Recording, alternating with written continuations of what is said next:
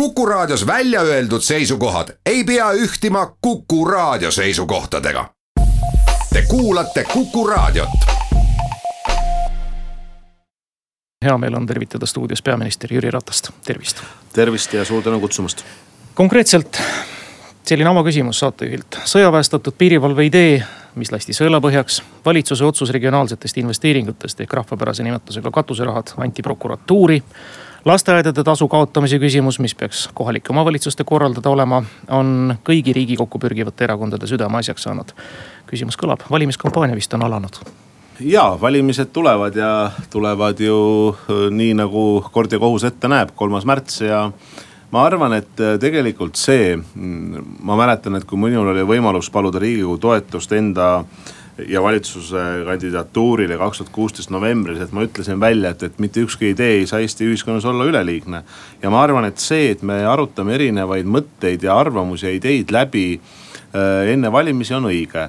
nüüd äh, küsimus on ka selles, et kui palju me suudame tegelikult lisaks sellele poliitiku hääle või valjuhääle tegemisele kuulata ja kuulamine on hästi oluline. paar sõna Eh, jah, eilne siis eh, Tallinna abilinnapea Aivar Riisalu ütlus seoses eh, sõjaväestatud vist piirivalve osas.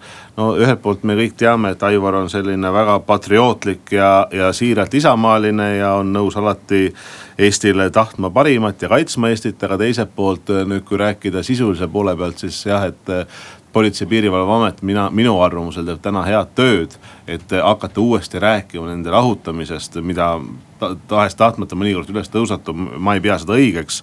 küll ma pean seda õigeks, et tõesti idapiir välja ehitada. me oleme täna näinud ette circa üheksakümmend üks miljonit järgnevalt neljaks aastaks, et selle eest saab teha esimesed neli etappi kolmikpunktis põhja suunas.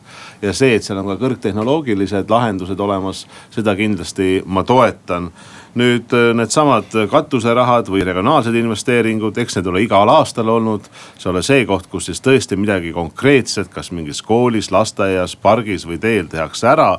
ja selle osas ole alati olnud erinevaid reaktsioone, et äh, kas tohib seda teha, kas on eetiline teha, kuidas need valikud jõuavad lauale aga see, et nüüd üks äh, poliitiline, vist mitte veel erakond, aga moodustuv erakond Eesti kakssada selle osas tahab minna prokuratuuri või läkski juba, et loomulikult, kui poliitikud teevad mingeid otsuseid enda MTÜ-dele, kus nad saavad ise kasu. see on see koht, aga kui me parandame ja see on läbipaistev, et mingi omavalitsuse teed või lasteaeda või kooli.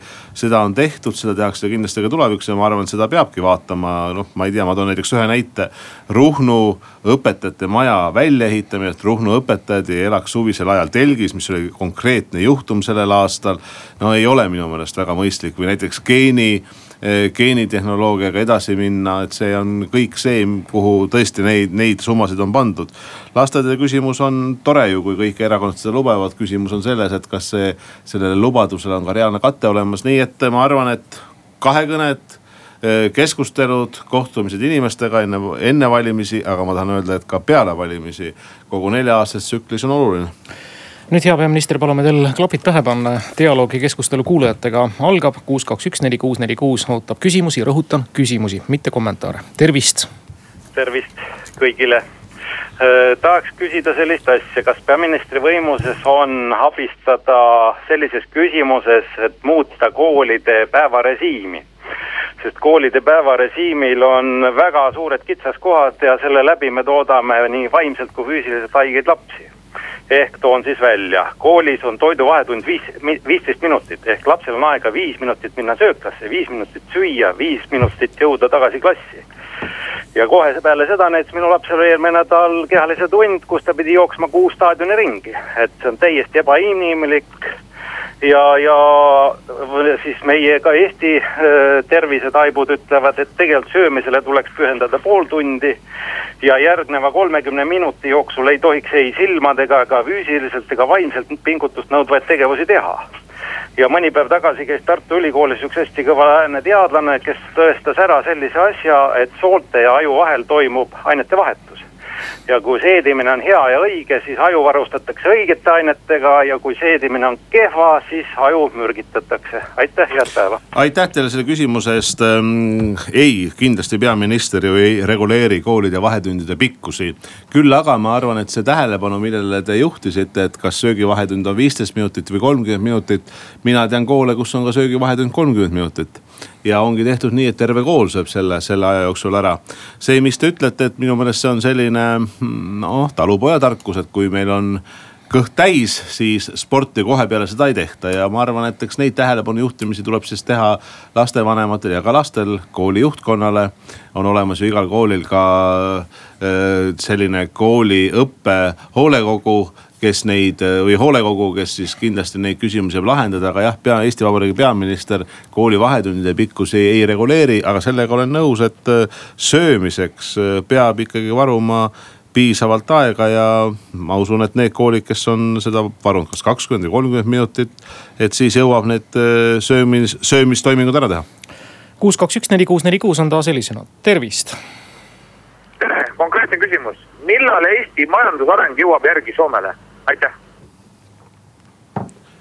ma ei tea, kas te soovite nüüd kellaaega teada või soovite kuupäeva teada või aastat teada ja seda vist vaevalt keegi oskab öelda. kui me vaatame, kuidas Eesti majandusareng on olnud ja elatustase, siis me oleme jõudnud kaheksakümne protsendi piirimaile Euroopa Liidu eh, keskmisest, mis on eh, päris suur tõus olnud ja seda tuleb öelda siin raadiosaates ka välja Kuku raadios tänu meie ettevõtjatele kes igapäevaselt riskivad. ma tulin just õliühingu kahekümne viiendalt aastapäevalt, soovisin neile õnne, aga ma tänasin ka neid selle eest, et nad on pannud Eesti majanduskasvule edu ja, ja, ja aluse, nii nagu ka teised ettevõtjad. et me kindlasti töötame selles suunas, me ei saa ära unustada, et meil on olnud üle viiekümne aasta okupatsiooni, mis kindlasti on meie majandusarengut äh, pärssinud.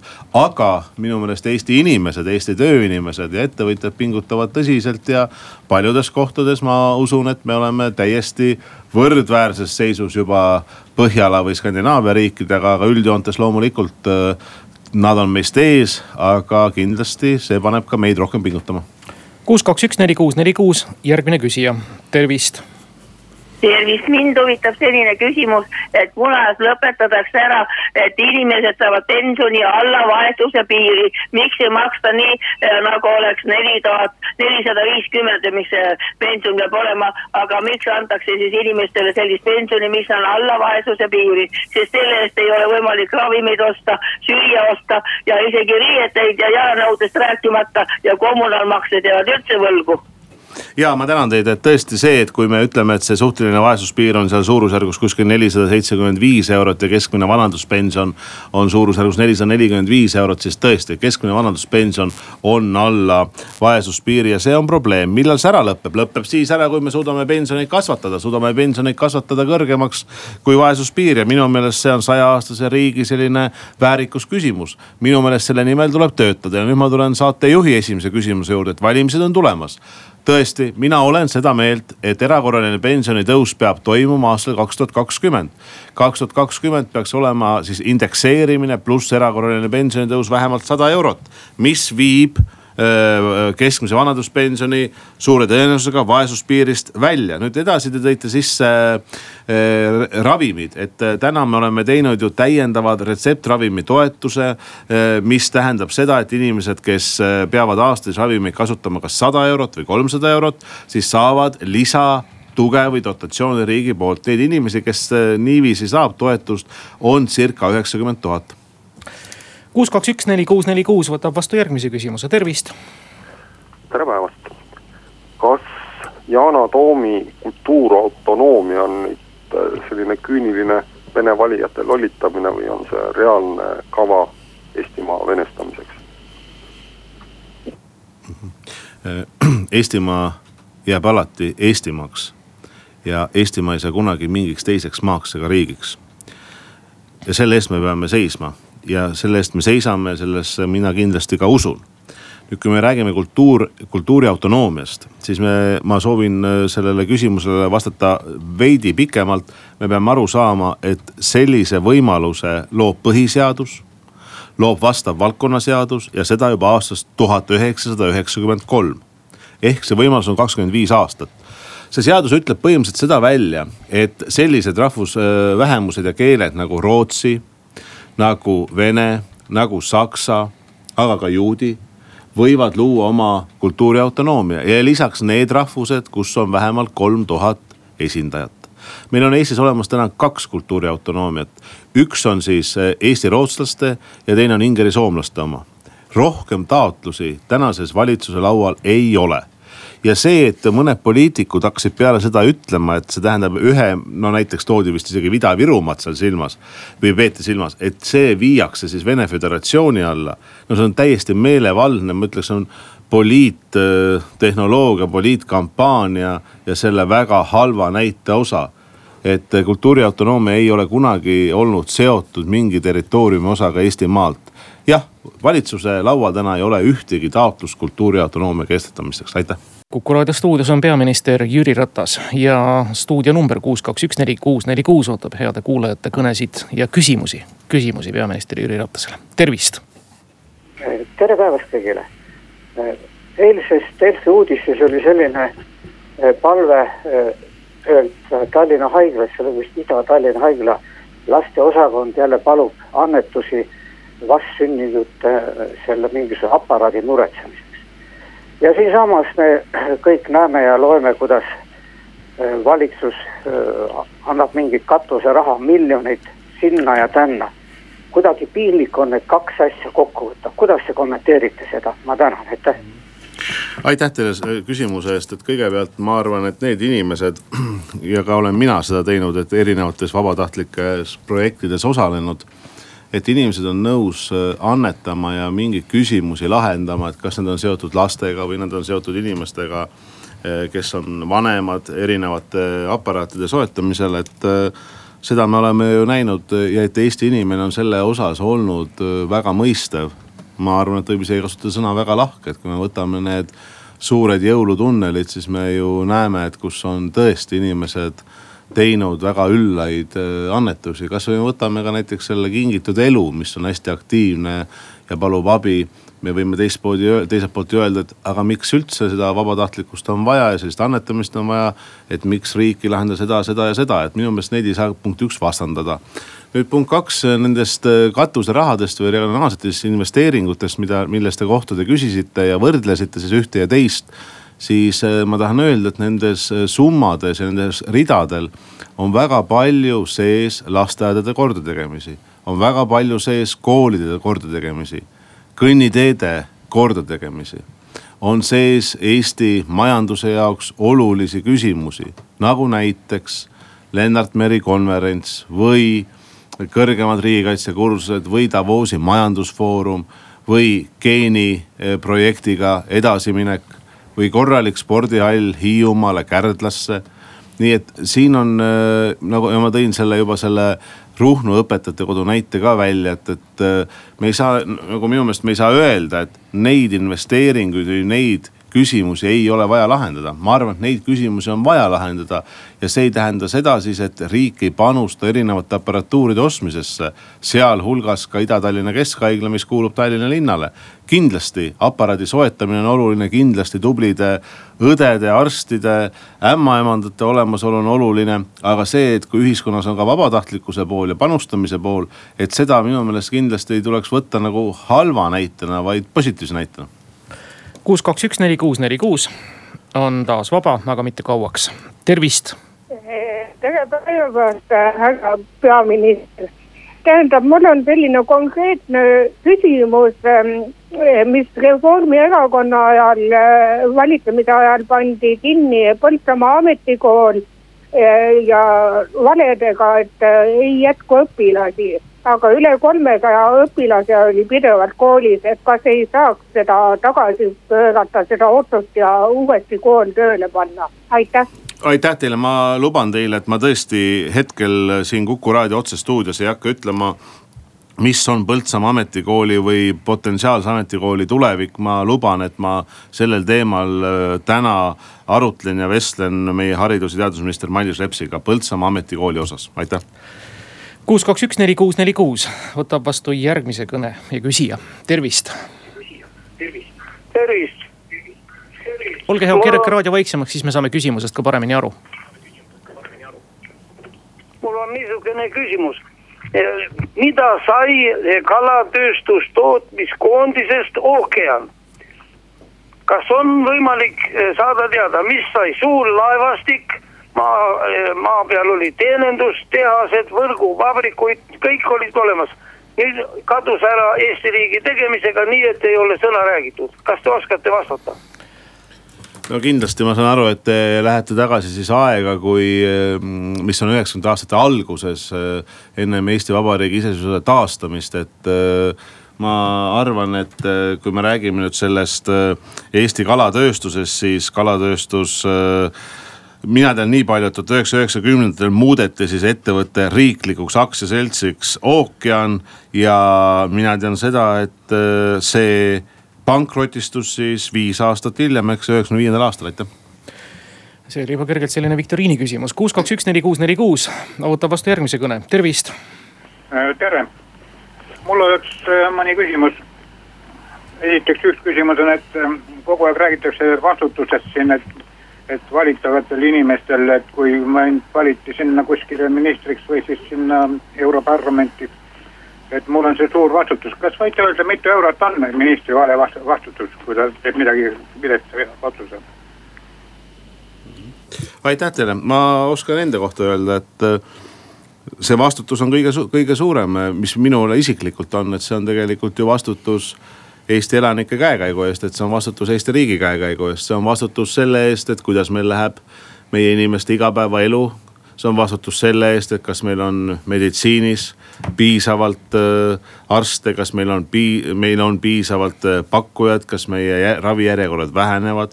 aga see vastutus on ka välispoliitiliselt kuidas Eesti on äh, Euroopa Liidus, kuidas ta on NATO-s. see vastutus on ka kaitsepoliitiliselt, kui aktiivne on Eesti välismissioonidel nii et see vastutus on kindlasti ka regionaalpoliitiliselt, et kuidas saavad Kärdla inimesed hommikul Tallinna ja vastupidi Tallinnast Kärdlasse, kuidas saab Kuressaarest Tallinna ja tagasi.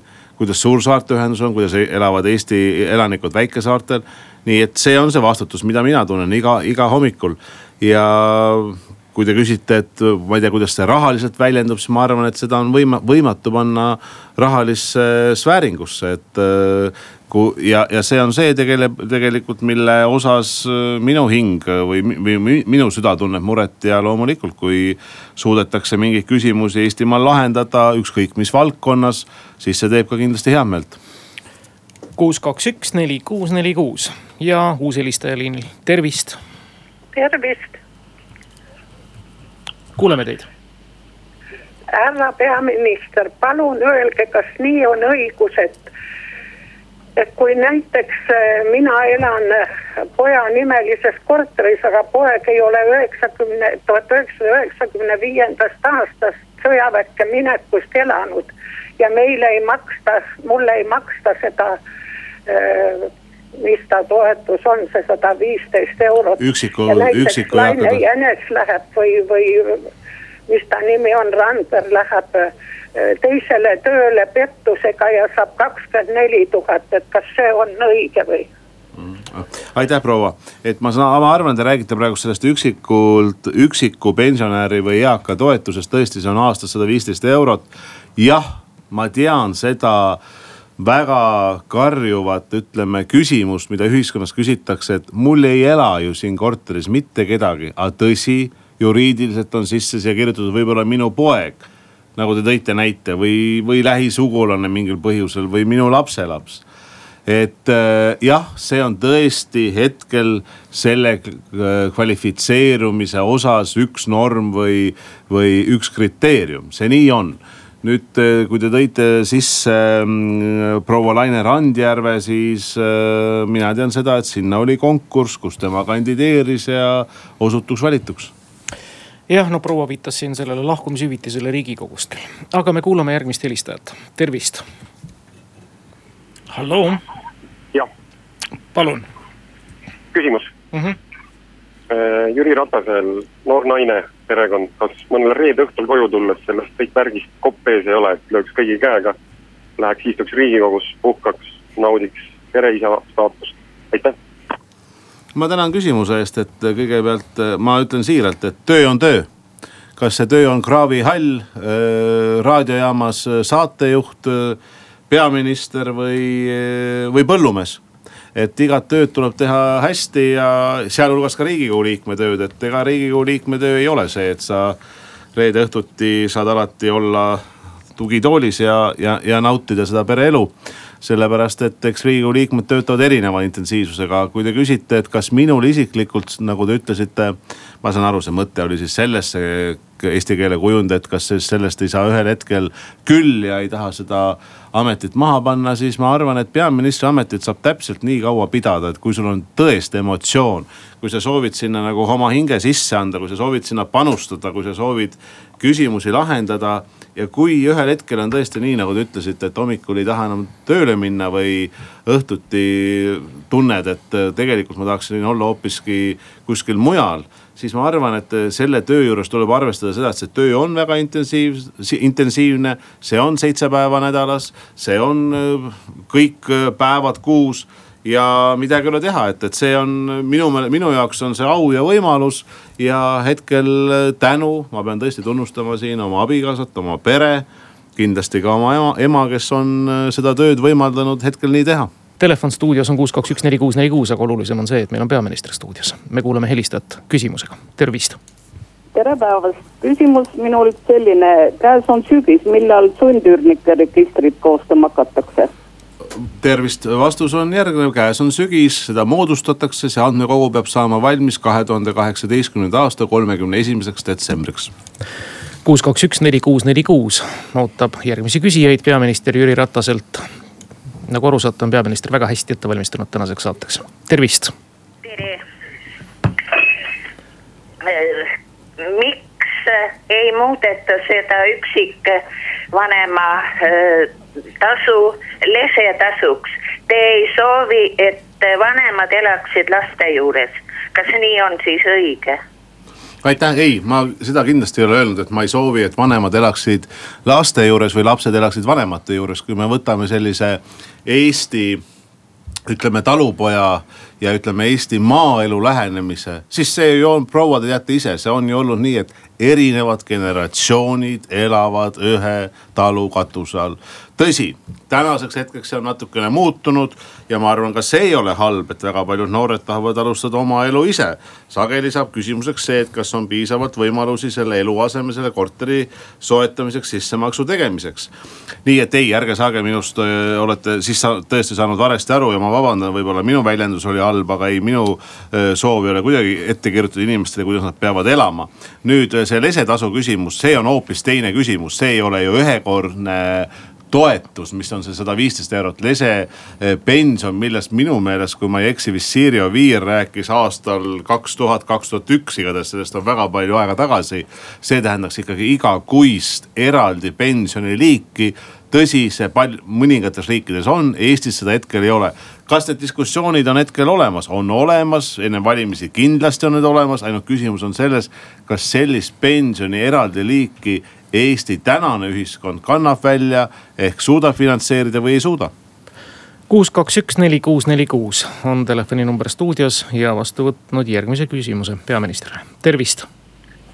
tere Kuku sõbrad ja lugupeetud peaminister, mina mõtlen seda, et eh, kas see valimiskiirustamine või, või kas see on nagu kuidagi reguleeritud ka, et, et eh, et siin on ju nii palju aega, noh, see märtsis ju alles toimub, et, et miks me nii vara hakkame juba, juba valimiste peale mõtlema või, või igasugused juba lahingud siin ja seal toimuvad. kas ta nagu natukene nagu raha raiskamine ei ole, noh, ütleme, ma ütlen maksumaksja äh, raha raiskamine. et võib-olla, võib-olla järgmine aasta kuskil veebruarist alustada või, või kuidagi seadustega ära reguleerida see asi aitäh. aitäh, ma siiski toetan ikkagi seda põhimõtet, et eks iga organisatsioon ja nii on ka ettevõtluse puhul teeb oma ju erinevaid selliseid teavitusi, nii nagu ta seda õigeks peab. mina arvan, et kui me räägime sellisest valimissituatsioonist, siis see kõl- ja ma siiralt arvan, et tegelikult see peab olema poliitikute ja poliitiku suhtlus öö, olgu see külakogukond, olgu see rahvamaja, sotsiaalmaja, ettevõte, kool õpetajad, siseturvalisus, kõik mis valdkond, et minu meelest see peab olema pidev ja kogu aeg. et neid kohtumisi on kogu aeg vaja ja mulle väga sümpatiseeris, kui oli püha isa paavst oli siin, siis ta ütles ju, et me peame oskama ka kuulata. et ega, kui sa oled seal Toompea lossis riigikogus või Stenbocki majas see on hea ja varjatud ja kindel selline öö, töökoht, aga sealt tuleb välja tulla, sealt tuleb reaalselt üle Eestimaa käia ja kuulata erinevaid muresid ja püüda leida lahendusi. kas kampaania algab vara või mitte no selle üle võib diskuteerida ja, ja vaielda, aga noh, suure tõenäosusega selge on see, et eh, erakonnad teevad praegust oma platvorme ja ma ei tea, erinevad erakonnad käivad nad siis kas aasta lõpus või aasta alguses välja, mille põhjal siis saab tegelikult valija oma hinnangu anda ja minu meelest see on õige, et käiakse oma ideid välja, et. et tulebki ju, ma usun, et iga raadiokuulaja lõpuks, kui ta oma valiku teeb, siis see koosneb ju erinevatest kriteeriumist, aga üks on ka see ikkagi, et kuidas nähakse Eesti elu järgnevate aastate ja järgnevate dekaadide jooksul. kuus, kaks, üks, neli, kuus, neli, kuus võtab vastu järgmise küsija, tervist. tervist, head päeva kõigile peaministrile ka. mul on selline küsimus, teine sammas. tähendab, kui hakkab see inimene tegema teise samba lepingut väljamakseteks, siis on meil kolm kindlustusfirmat, kes saavad selle raha enda kätte ja ütleme niimoodi, et ühesõnaga pakutakse inimesele igasuguseid võimalusi, aga praktiliselt on niimoodi, et see raha, mis sinna kogutud on, ta seda kunagi kätte ei saa, ta saab, ütleme, mul oli konkreetne, mul on neliteist tuhat on sinna kogutud teise sambasse, aga elu lõpuni ma saan kuuskümmend euri kuus. küsisin, aga et inflatsioon, kõik et seal kümne-viieteist aasta pärast see kuuskümmend euri, võib-olla ma saan ainult poest Pätsi leiba sellega osta. no midagi ei ole teha. aga kindlustusfirma saab praegu selle raha enda kätte ju puhtalt. tänases vääringus ta hakkab seda pööritama, tema tekitab sellest kasumi endale. aga miks ei võiks, ütleme, see ise riik võtta selle enda kätte, et miks ta toetab niimoodi neid erafirmasid. aitäh teile aitäh, täna on ju teine sammas väga lihtne, et inimene paneb sinna kaks protsenti ja riik paneb neli protsenti juurde. ma arvan, et kindlasti selline süsteem peaks jätkuma, ma toetan seda. ja kolmas sammas on siis see, mis on vabatahtlik sammas, mida iga inimene saab maksta, kui tal on selleks võimalus või tal selleks võimalust ei ole. see, mis te ütlete teise samba puhul, see ei ole ju ainult pension, pension tuleb ka esimesest äh, sambast.